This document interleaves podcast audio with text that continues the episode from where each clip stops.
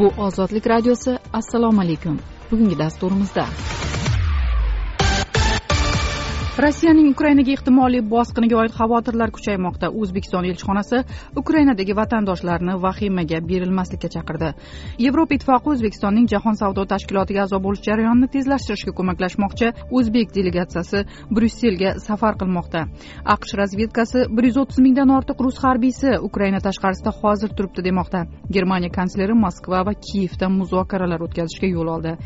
Rossiya migratsiya agentligi ishga jo'natgan o'zbekistonlik muhojirlar yordam so'ramoqda. Qozog'istonda yanvar voqealari chog'ida ushlangan qirg'izistonliklarni qiynoqqa solganlarga nisbatan jinoyat ishi ochildi.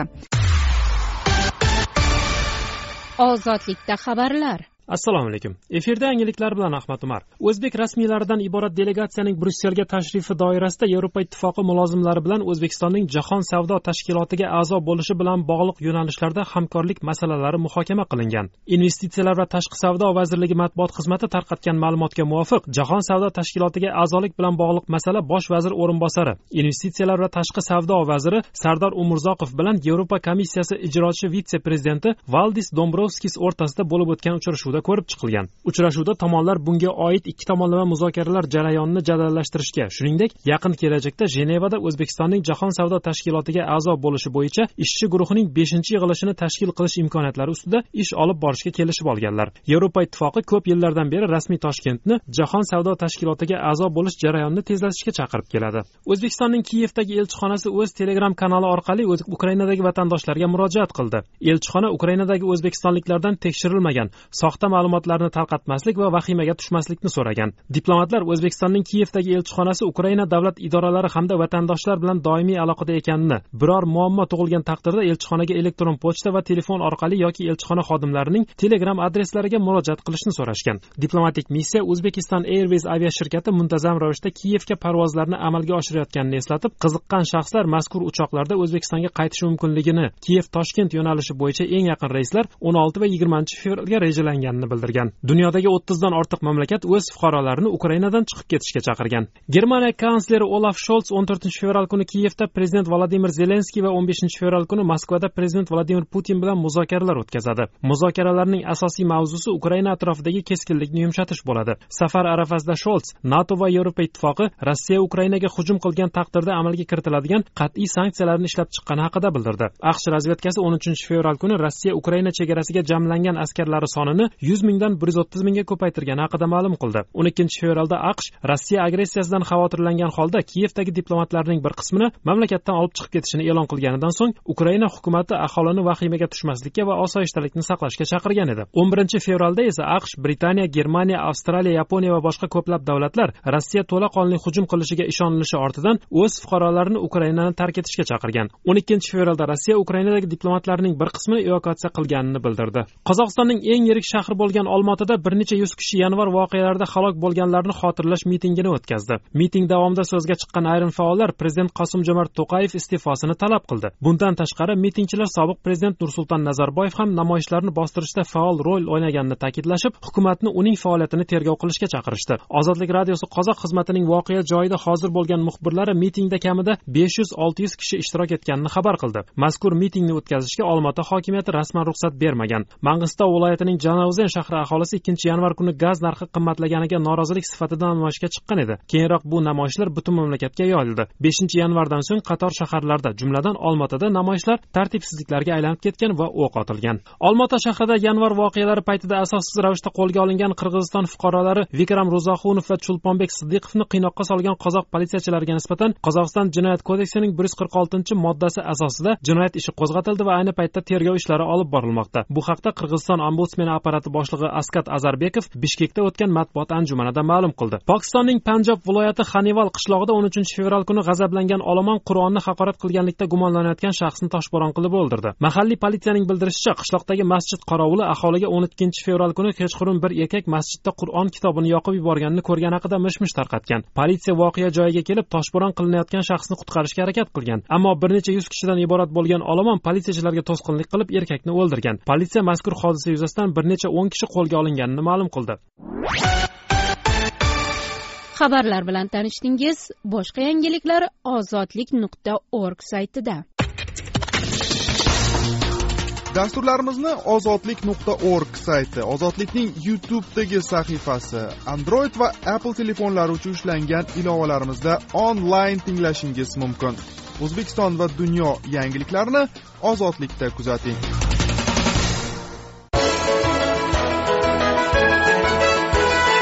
ozodlik radiosi o'zbekiston va dunyo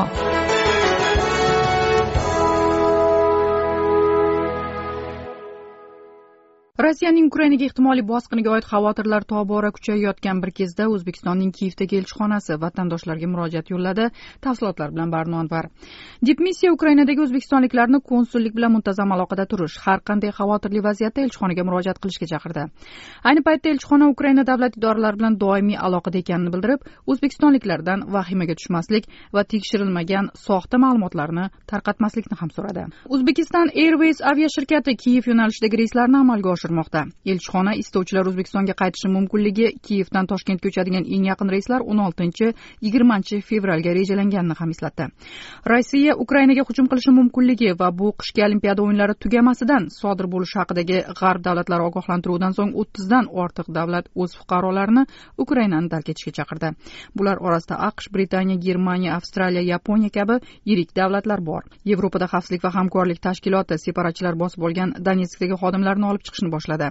Xabarlarda aytilishicha bunday choralar aqsh va fransiya liderlarining rossiya prezidenti vladimir putin bilan ukraina masalasidagi muzokaralari natijasiz tugayotgani ortidan ko'rilmoqda. O'n ikkinchi fevralda aqsh prezidenti jo bayden vladimir putin bilan yana telefonda suhbatlashdi. Putinni rossiya ukrainaga hujum qiladigan bo'lsa munosib javob qaytarilishidan yana bir bor ogohlantirdi. O'tgan haftada aqsh prezidentining milliy xavfsizlik bo'yicha maslahatchisi jeyk salivan rossiya pekinda bo'layotgan qishki olimpiada chog'ida ya'ni yigirmanchi fevralga qadar ukrainaga tajovuz qilishga hozir hazırlanayotgani haqida bayonot bergan. Salivan rossiya hozirga qadar ukraina bilan chegarasi yaqinida yirik harbiy amaliyot o'tkazish uchun yetarli qo'shin to'plaganini aytgandi. Aqsh mulozimi agar rossiya ukrainaga hujum qilishga qaror qilsa bu amaliyot havodan bombardimon qilish va raketa hujumlari bilan boshlanishi mumkinligini qo'shimcha qilgan. Moskva esa bunday bayonotlarni provokatsiya deb atamoqda muntazam rad etmoqda. Aksincha ukraina sharqida rossiya dastaklayotgan ayirmachilar aslida kiyev hujum qilishga shaylanyapti deb iddao qilmoqda. Ukraina ham buni rad etmoqda. Bu taranglik shuningdek rossiya ukraina bilan ikki davlat chegarasiga qo'shimcha harbiylarni joylashtirish ortidan boshlandi. Shu kunda rossiya ukraina chegarasida kamida yuz ming rus askari va harbiy texnikasi joylangani aytilmoqda. Kreml bu harbiy faollikni ukrainaga hujum niyati emas balki o'zining xavfsizligi ta'minoti o'laroq izohlamoqda. Moskva o'z harbiylarini chegaradan olish evaziga g'arbdan ukrainani natoga qo'shmaslik rossiya bilan chegarasiga harbiy texnika joylashtirmaslik nato kuchlarini sharqiy yevropadan olib chiqishni kafolatlashni talab qiladi.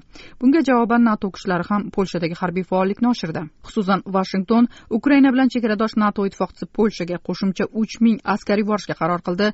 Joriy oy boshida ham polshaga bir ming yetti yuzga yaqin amerikalik askar yuborilgan. Bu esa nafaqat g'arb davlatlari balki rossiyaning ichida ham ehtimoliy urushdan xavotir va norozilikni kuchaytirdi. Jumladan yabloko partiyasi ukraina bilan ehtimoliy urushga qarshi imzo yig'ishni boshladi. Petitsiya ostiga yabloko federal siyosiy qo'mitasi raisi grigoriy yavlinskiy partiya raisi nikolay rybakov federal siyosiy qo'mita a'zosi jumladan boris vishnyovskiy lev shlosberg emiliya slabunova hamda moskva helsinki guruhi raisdoshi valeriy barshovlar imzo chekkan yanvar oyi oxirlarida rossiya ziyolilari kengashi ham urushga qarshi petitsiya e'lon qilgan tinchlik tarafdorlarining rossiya rahbariyatidagi urush partiyasiga qarshi bayonot deb nomlangan hujjat ostiga besh mingdan ziyod kishi imzo chekkan kunning muhim voqeasi germaniya kansleri olaf Shols ukrainaga yo'l oldi. Tafsilotlar bilan men usmon nazar. Germaniya kansleri olaf sholts 14 fevral kuni kiyevda prezident vladimir zelenskiy bilan 15 fevralda esa moskvada rossiya prezidenti vladimir putin bilan uchrashadi. Sholts kiyevda prezident vladimir zelenskiy bilan rossiyaning ukrainaga bostirib kirish xavotirlari va mavjud inqirozni yumshatish bo'yicha diplomatik sa'y harakatlar yuzasidan gaplashadi sholts 13 fevral kuni rossiya ukrainaga bostirib kirsa nato va yevropa ittifoqi allaqachon darhol kuchga kiradigan og'ir sanksiyalar tayyorlab qo'yganini xabar qilgan qilgan kecha qo'shma shtatlar ukraina chegarasi yaqinidagi rus qo'shinlari soni yuz mingdan bir yuz o'ttiz mingga yetgani haqida xabar bergan edi. Zelenskiy o'n uchinchi fevral kuni bayden bilan telefon orqali muloqot qildi. Prezident jo bayden suhbat chog'ida rossiyaning ukraina chegaralarida mushaklarni ko'z ko'z qilishiga javoban diplomatiya va tiyib turuvchi choralar muhimligini ta'kidlagan. Bayden ukraina suvereniteti va hududiy yaxlitligiga sodiqligini yana bir bor ta'kidlar ekan. Rossiyaning ukrainaga navbatdagi bosqini amalga oshsa tezkor javob berishga va'da berdi. Zelenskiy administratsiyasi baydenni yaqin kunlarda kiyevga kelishga taklif qilgani haqida xabar berdi.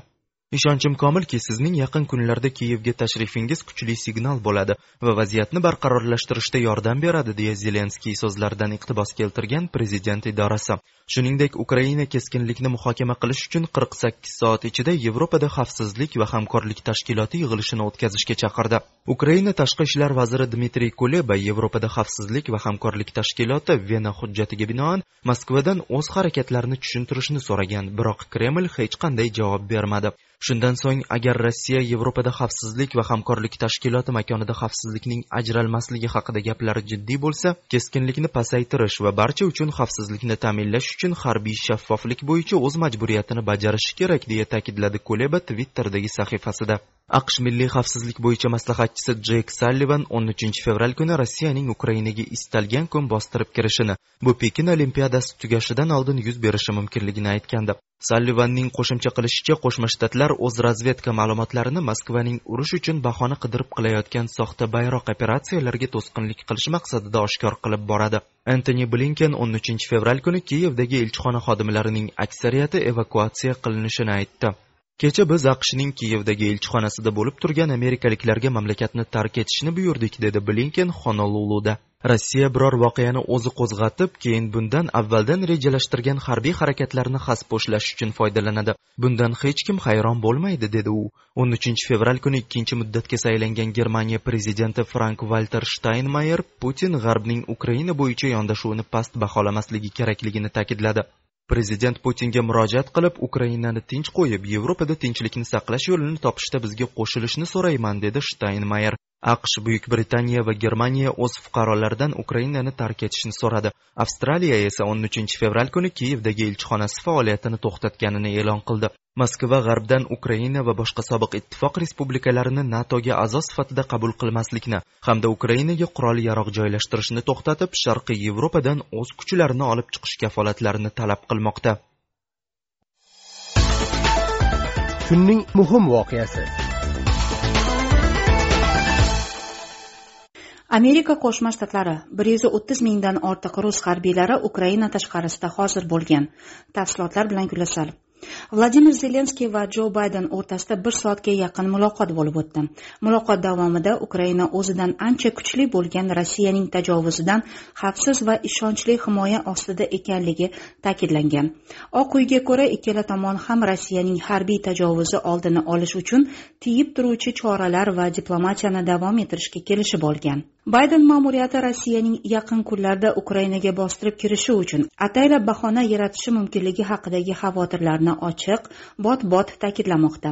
Aqsh va yevropa razvedkasi ma'lumotlariga ko'ra rossiya ukraina sharqida seshanba kuni bo'lib o'tishi rejalangan ukraina harbiy mashg'ulotlarini nishonga olishga urinib ko'rishi mumkin. Bu haqida masaladan yaxshi xabardor ikki shaxs anonimlik sharti bilan ma'lum qilgan. Aqsh razvedkasi rasmiylarining fikricha harbiy mashg'ulotlarni nishonga olish rossiyaning yolg'on bayroq operatsiyasi uyushtirish uchun bir nechta variantlardan biri. Oq uy vladimir putin urush boshlash uchun yakuniy qarorga kelganmi yoki yo'qligi haqida aniq bilmasligini ta'kidladi. Bu haqida associated press xabar qilgan. Moskva ukrainaning shimoli sharqi va janubida to'plangan qo'shinlari harbiy mashg'ulotlar uchun ekanligini iddao qilmoqda. Bayden ma'muriyatining hisob kitobiga ko'ra hozirda ukraina chegarasi yaqinidagi rus qo'shinlari bir yuz o'ttiz mingdan oshgan. Zelenskiy shanba kuni efirga chiqib biz xavf mavjudligini yaxshi tushunib turibmiz. Agar sizda yoki kimdadir rossiya o'n oltinchi fevralda bostirib kirishiga yuz foiz aniq bo'lgan ma'lumot bo'lsa iltimos uni bizga yuboring deya ta'kidlagan. Zelenskiy vahima qilmaslikka chaqirgan bo'lsada fuqarolar va harbiy rahbarlar ham mudofaa uchun shaylanmoqda. Kecha litvadan aqshda ishlab chiqarilgan stinger zenit raketalari va o'q dorilarni olib ketayotgan harbiy yuk samolyoti ukrainaga qo'ndi. Bu mamlakatning havo hujumidan mudofaasini mustahkamlaydi. Kiyevda hammayam rossiyaning ukrainaga qarshi iqtisodiy harbiy yoki umuman qandaydir choralar ko'rishiga ishonmayapti. Poytaxt markaziy ko'chasida men ukrainani yaxshi ko'raman degan yozuvlarni ko'tarib turgan alona buznitskaya ismli ayol xotirjam ekanini aytgan. Biz rossiyaga syurpriz uyushtirishga ukraina yoki butun dunyoga muammo yaratishiga imkon bermaymiz deydi amerika qo'shma shtatlarining milliy xavfsizlik bo'yicha maslahatchisi jeyk salivan yakshanba kuni cnnga bergan intervyusida. Biz ko'rganlarimizni dunyoga iloji boricha shaffof va ochiq tarzda taqdim etamiz dedi u. Rossiya raketalarni havo dengiz uchun mo'ljallangan qurollarini va maxsus kuchlarni kerakli pozitsiyalarga joylashtirdi. Shu hafta rossiya oltita amfibiya hujum kemasini qora dengizga olib chiqib mashg'ulotlar o'tkazgan. Putin ukrainaga hujum qilish niyatini rad etib keladi. Rossiya g'arbdan sobiq ittifoq davlatlarini natoga kirmasligini shuningdek natodan o'z chegarasi yaqinida qurol yarog' joylashtirmaslikni va ittifoq kuchlarini sharqiy yevropadan olib chiqishni talab qilmoqda. Moskvaning bu talablari g'arb tomonidan qat'iyan rad etilgan. Shanba kuni bayden va putin bir soatdan ko'proq suhbatlashdi. Ammo oq uy bu muloqot yevropada yaqinlashib kelayotgan urush xavfini kamaytirdi deya olmasligini ta'kidlagan. Ukraina havo harakati xavfsizligi agentligi qora dengiz usti havo hududini ehtimoliy xavf zonasi deb e'lon qildi va 14 19 fevral oralig'ida dengiz uzra parvo qilmaslikni tavsiya qildi. Putin va bayden suhbati rossiya va g'arb o'rtasidagi sovuq urushdan keyingi eng yirik keskinlik pallasiga to'g'ri keldi. Aqsh rasmiylari urush va qon to'kilishi oldini olish uchun bir necha kun bor deb hisoblamoqda. Germaniya kansleri olaf sholz dushanba kuni kiyevga uchib zelenskiy bilan seshanba kuni esa moskvada putin bilan uchrashadi. Aqsh va nato rossiya bilan kurashish uchun ukrainaga qo'shinlarni yubormasligini aniq bayon qildi. Rossiyaning ukrainaga ehtimoliy bosqiniga oid xavotirlar kuchaymoqda. O'zbekiston elchixonasi ukrainadagi vatandoshlarni vahimaga berilmaslikka chaqirdi. Yevropa ittifoqi o'zbekistonning jahon savdo tashkilotiga a'zo bo'lish jarayonini tezlashtirishga ko'maklashmoqchi o'zbek delegatsiyasi bryusselga safar qilmoqda. Aqsh razvedkasi bir yuz o'ttiz mingdan ortiq rus harbiysi ukraina tashqarisida hozir turibdi demoqda. Germaniya kansleri moskva va kiyevda muzokaralar o'tkazishga yo'l oldi. Rossiya migratsiya agentligi ishga jo'natgan o'zbekistonlik muhojirlar yordam so'ramoqda. Qozog'istonda yanvar voqealari chog'ida ushlangan qirg'izistonliklarni qiynoqqa solganlarga nisbatan jinoyat ishi ochildi. Ozod video. Bizning video lavhalarimizni ozodlik veb sayfasida hamda youtube odnoklassniki facebook va instagram ijtimoiy tarmoqlarida tomosha qiling. Ozod video siz izlagan va siz uchun tayyorlangan video.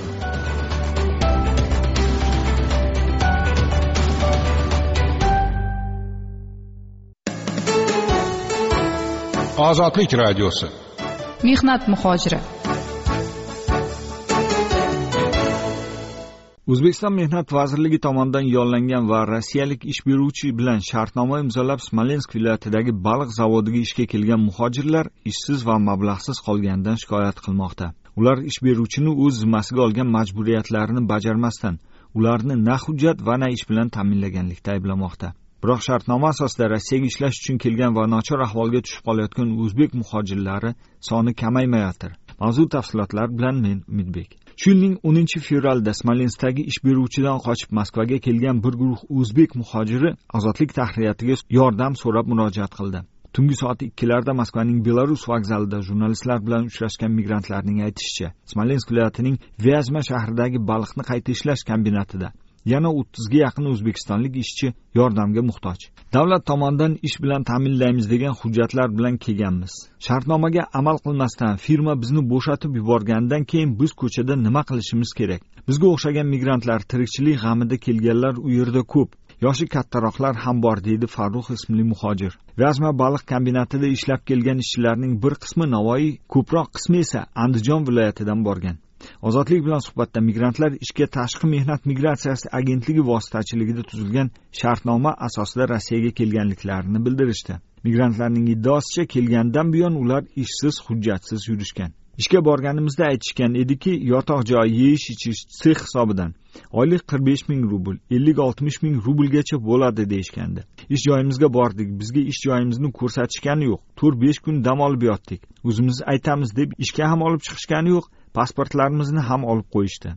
O'sha yerda ishlaydigan musulmonlar besh olti oy pasportini oldirib qo'yib qarzga tiqib qo'yib oylik ololmaganini eshitib yana kelganimiz hisobga pasportlarni olib ketishga niyat qildik. Senlarning qarzlaring bor qarzlaring yopib keyin ketasizlar degan joyga hamma narsa bizdan bo'ladi degansizlarku deb bugun hujjatlarimizni olib moskvaga keldik deydi namanganlik boburjon. Suhbat asnosida smolensk viloyatidagi bu yirik zavodga ishga olingan o'zbeklarning bir qismi tashqi mehnat migratsiyasi agentligi ko'magisiz rossiyaga o'zlari kelib joylashgani ma'lum bo'ldi. Moskvada ular mahalliy migratsiya agentligi idorasiga yordam so'rab murojaat qilishgandi. O'zbekiston elchixonasi va agentlik xodimlari bu muhojirlar ishi bilan shug'ullanayotgani aytilmoqda. ikki ming yigirma birinchi yilning noyabr oxirlarida smolensk viloyatidagi baliqni qayta ishlash zavodidagi o'zbekistonlik muhojirlar o'z muammolari to'g'risida internetda bir qancha murojaatlar chiqarishi ortidan. Vaziyatni o'rganish uchun hududga o'zbekistondan mehnat vazirligi delegatsiyasi tashrif buyurgan. Bandlik va mehnat munosabatlari vazirligi axborot xizmati rahbari mavjuda mirzayeva o'zining facebook sahifasida yetmishga yaqin o'zbekistonlik yollanma ishchilar pasportlarini ish beruvchidan olib berayotgani to'g'risida video joylagandi. Unda ish beruvchi tashkilot vakili roman bilan suhbatdan kombinatda ikki yuzga yaqin o'zbek muhojiri ishlayotgani anglashiladi. Vazirlik xodimlari kombinatda ishlashni xohlamayotgan ishchilarga pasportlari qaytarib berilayotgani va shartnoma bekor qilinayotganini aytadi. Biroq aftidan mehnat vazirligi rasmiylari ketish ortidan u yerda ishlovchi o'zbek vatandoshlar bilan bog'liq vaziyat mutlaqo o'zgarmasdan qolgan. Tashqi mehnat migratsiyasi agentligi matbuot kotibi ortiqxo'ja norov ozodlikka vaziyat yuzasidan o'rganish ishlari olib borilayotganini tasdiqladi. Mehnat vazirligining o'zbekistondagi yana bir xodimlaridan biri ozodlikka o'tgan yil oxirlarida besh yuzga yaqin migrant rossiyaning sankt peterburg shahri mordoviya moskva penza va smolensk viloyatlariga olib kelinganini bildirdi. Bu ishchilarning asosiy qismi shu mintaqalarda joylashgan konstanta urovень vanta vesfa va azon tashkilotlari tomonidan ishga yollangan bu shirkat vakillari o'zbekistonda yollangan har bir ishchi uchun tashqi mehnat migratsiyasi agentligining viloyatlardagi xodimlariga yuz dollargacha pul berib kelgan. Masalan galiya ismli rossiyalik bir rekruting kompaniyasi rahbari ko'plab yollangan ishchilarimizni shu kompaniyalarga deyarli sotib kelyapti dedi ismini oshkor qilmaslikni so'ragan o'zbekistonlik mehnat vazirligi xodimi. Moskvaga kelgan va hozircha mablag'siz uy joysiz qolayotgan o'zbek muhojirlari ularning taqdiriga befarq bo'lmagan vatandoshlar ko'magida vaqtinchalik kvartiralarga ularning bir qismi esa mehnat migratsiyasi agentligi tomonidan hostellarga joylashtirildi. Andijonlik youtube bloger ma'rufjon sobirov vyazmadagi o'zbek migrantlari vaziyatiga e'tibor qaratgan faollardan biri. Tashqi mehnat migratsiyasi agentligi xodimlaridan iltimos qilib qolardimki rossiyaga jo'natayotgan o'zbekiston muhojirlarini iltimos hamma sharoitlarni ko'rsatib bor haqiqatni ochib keyin jo'natinglar. U yerda rasmda oq saroy keladi oddiy vagon. Sharoitlari uch mahal ovqat deyapti. Ko'zi bilan ko'rganlar aytyapti it ham yemaydigan ovqat. Yana yo'lkilarga kredit olib bo'yniga ikki yarim milliondan ilinib kelyapti. Bular bu yerda qiynalib ishlamay yuribdimi? U yerda ota onalari qiynalib pensiyadan to'layapti. Bu oxiri yaxshilikka olib kelmaydi bekor shularni qarg'ishiga qoladi xolos dedi bloger ma'rufjon sobirov. Bu tashqi mehnat migratsiyasi agentligi tomonidan yuborilgan ishchilarning og'ir ahvolga tushib qolishi bilan bog'liq birinchi holat emas.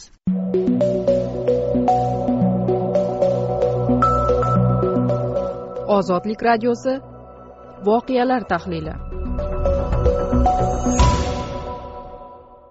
Olimpiada niqobi ostidagi qalloblik. Xitoy shinjonda qishki sport turlarini rivojlantirayotgani rostmi?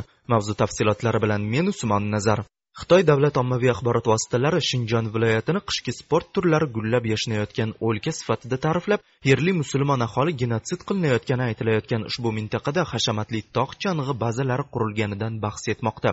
Ekspertlar bu gaplarni ko'zbo'yamachilik deb atashyapti.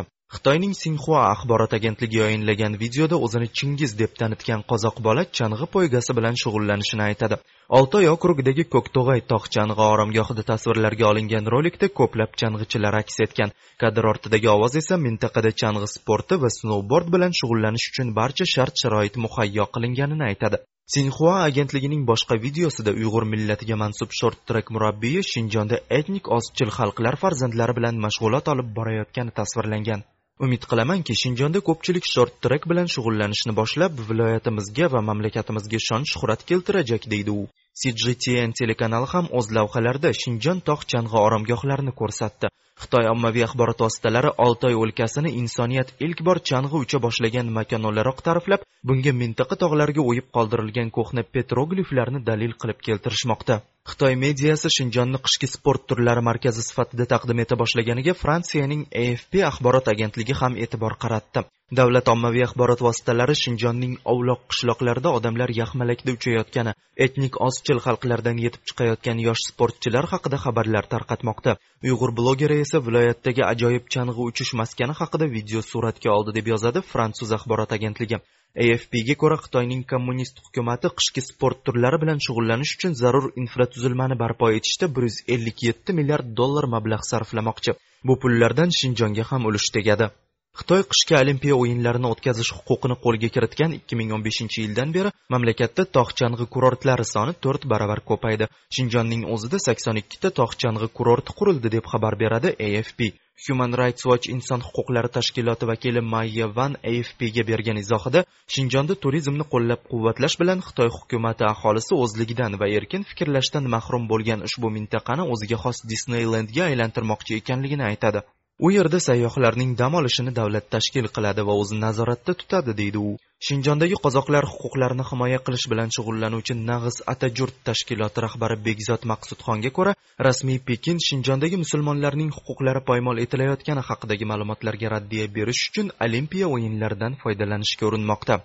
Shinjonda bolalar va yoshlar yoppasiga qishki sport turlari bilan shug'ullanayotgani yolg'on. Chunki shinjonda aksar bolalar ota onasi tirik yetimlar yoki chin yetimlardir.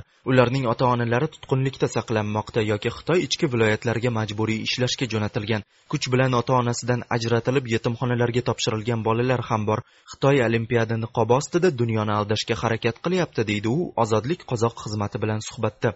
Shinjondagi qozoqlarning muammolarini ko'tarib chiquvchi atajurt jastari jamoat birlashmasi rahbari qidirali o'raz aytishicha xitoy pekindagi olimpiya o'yinlaridan harchand foydalanmasin shinjonda qilingan yovuzliklarni hech kim rad eta olmaydi. Oltoy tog'larida qish yarim yil davom etadi qor ko'p yog'adi. Oltoyning tub aholisi azaldan chang'i va chanalardan foydalanib keladi. Qadimdan chang'i va chanalarda uchadi chunki qor juda qalin bo'ladi. Xitoy esa go'yoki olimpiada bo'layotgan vaqtda shinjonda chang'ichilar ko'payib qolgandek taassurot uyg'otmoqchi deydi u. Xitoyning pekin olimpiadasidagi terma jamoasi tarkibida shinjonlik uch nafar etnik qozoq yigiti hamda bir uyg'ur qiz bor. Olimpiya o'yinlari mash'alasini yoqishi uchun xitoy hukumati shinjonlik etnik uyg'ur qiz dilnigor yelamutyanni tanladi. Xalqaro tashkilotlar va huquq himoyachilari mash'alani yoqish aynan uyg'ur sportchisiga topshirilganini xitoyning g'arazli harakati deb atashdi. Bekzod maqsudxonga ko'ra shinjonda sharoit va imkoniyatlar yaxshi ammo xitoy viloyatda qishki sport turlarini rivojlantirishga rag'bat bildirmagan. Shinjonning oltoy okrugida qish besh olti oyga cho'ziladi. Biroq xitoy ushbu mintaqada qishki sport turlarini rivojlantirgan emas. Qishki olimpiadada shinjondan sanoqli sportchi qatnashyapti. Xitoy olimpiya o'yinlari chog'ida shinjonni har qancha maqtamasin o'lka aholisi sport bilan shug'ullanayotganini ko'rsatishga harchand urinmasin. Bu shinjon musulmonlarining ahvoli yaxshilanib qolganini bildirmaydi deydi u. Xitoy hukumatiga qarashli global times ingliz zabon nashri afp agentligi maqolasini bema'nilik deb atadi va g'arb ommaviy axborot vositalarida chiqqan ma'lumotlarga raddiya berdi. Shu tariqa shinjon mahalliy aholining farovonligi oshishiga atrof muhit tozaligi saqlanishiga va iqtisodiy taraqqiyotga erishishi mumkin. Buning nimasi yomon deb yozgan xitoy nashri. Xitoy hukumati va davlat ommaviy axborot vositalari g'arb nashrlarida chiqqan shinjonga oid maqolalarni hamda xalqaro huquqbonlik tashkilotlarining bayonotlarini tan olmaydi. Bmt ma'lumotiga ko'ra xitoy shinjon viloyatida bir million nafarga yaqin uyg'ur qozoq va boshqa musulmonlarni siyosiy lagerlarga qamagan xalqaro tadqiqotchilar xitoy shinjonda musulmonlarni majburan ishlatayotganini ularda tug'ilishni nazorat qilayotganini aniqlashdi. Xitoy esa shinjondagi harakatini terrorizmga qarshi kurash lagerlarni esa kasb hunarga o'rgatish markazlari deb atamoqda. Xitoy bmt ekspertlari hamda huquqbonlarni shinjon hududiga kiritmaydi. Oltinchi fevral kuni bmt bosh kotibi antonio guterrish xitoy xalq respublikasi raisi si zinpin bilan uchrashdi. Uchrashuvdan so'ng e'lon qilingan bayonotda bmt bosh kotibi xitoy rasmiylari xalqaro tashkilot oliy komissarlarining xitoyga jumladan shinjonga borishiga ruxsat berishidan umidvorligini bildirgan. Ozodlik eshittirichlarini youtubeda ham tinglash mumkin. Kundalik eshittirishlarimizni lotinda ozodlik radiosi deb qidiring. Eslab qoling. Bizni youtubeda eshitsangiz vaqtingizni tejaysiz. Kundalik lavhalar alohida alohida joylashtirib boriladi. Youtube nuqta com ozodlik radiosi.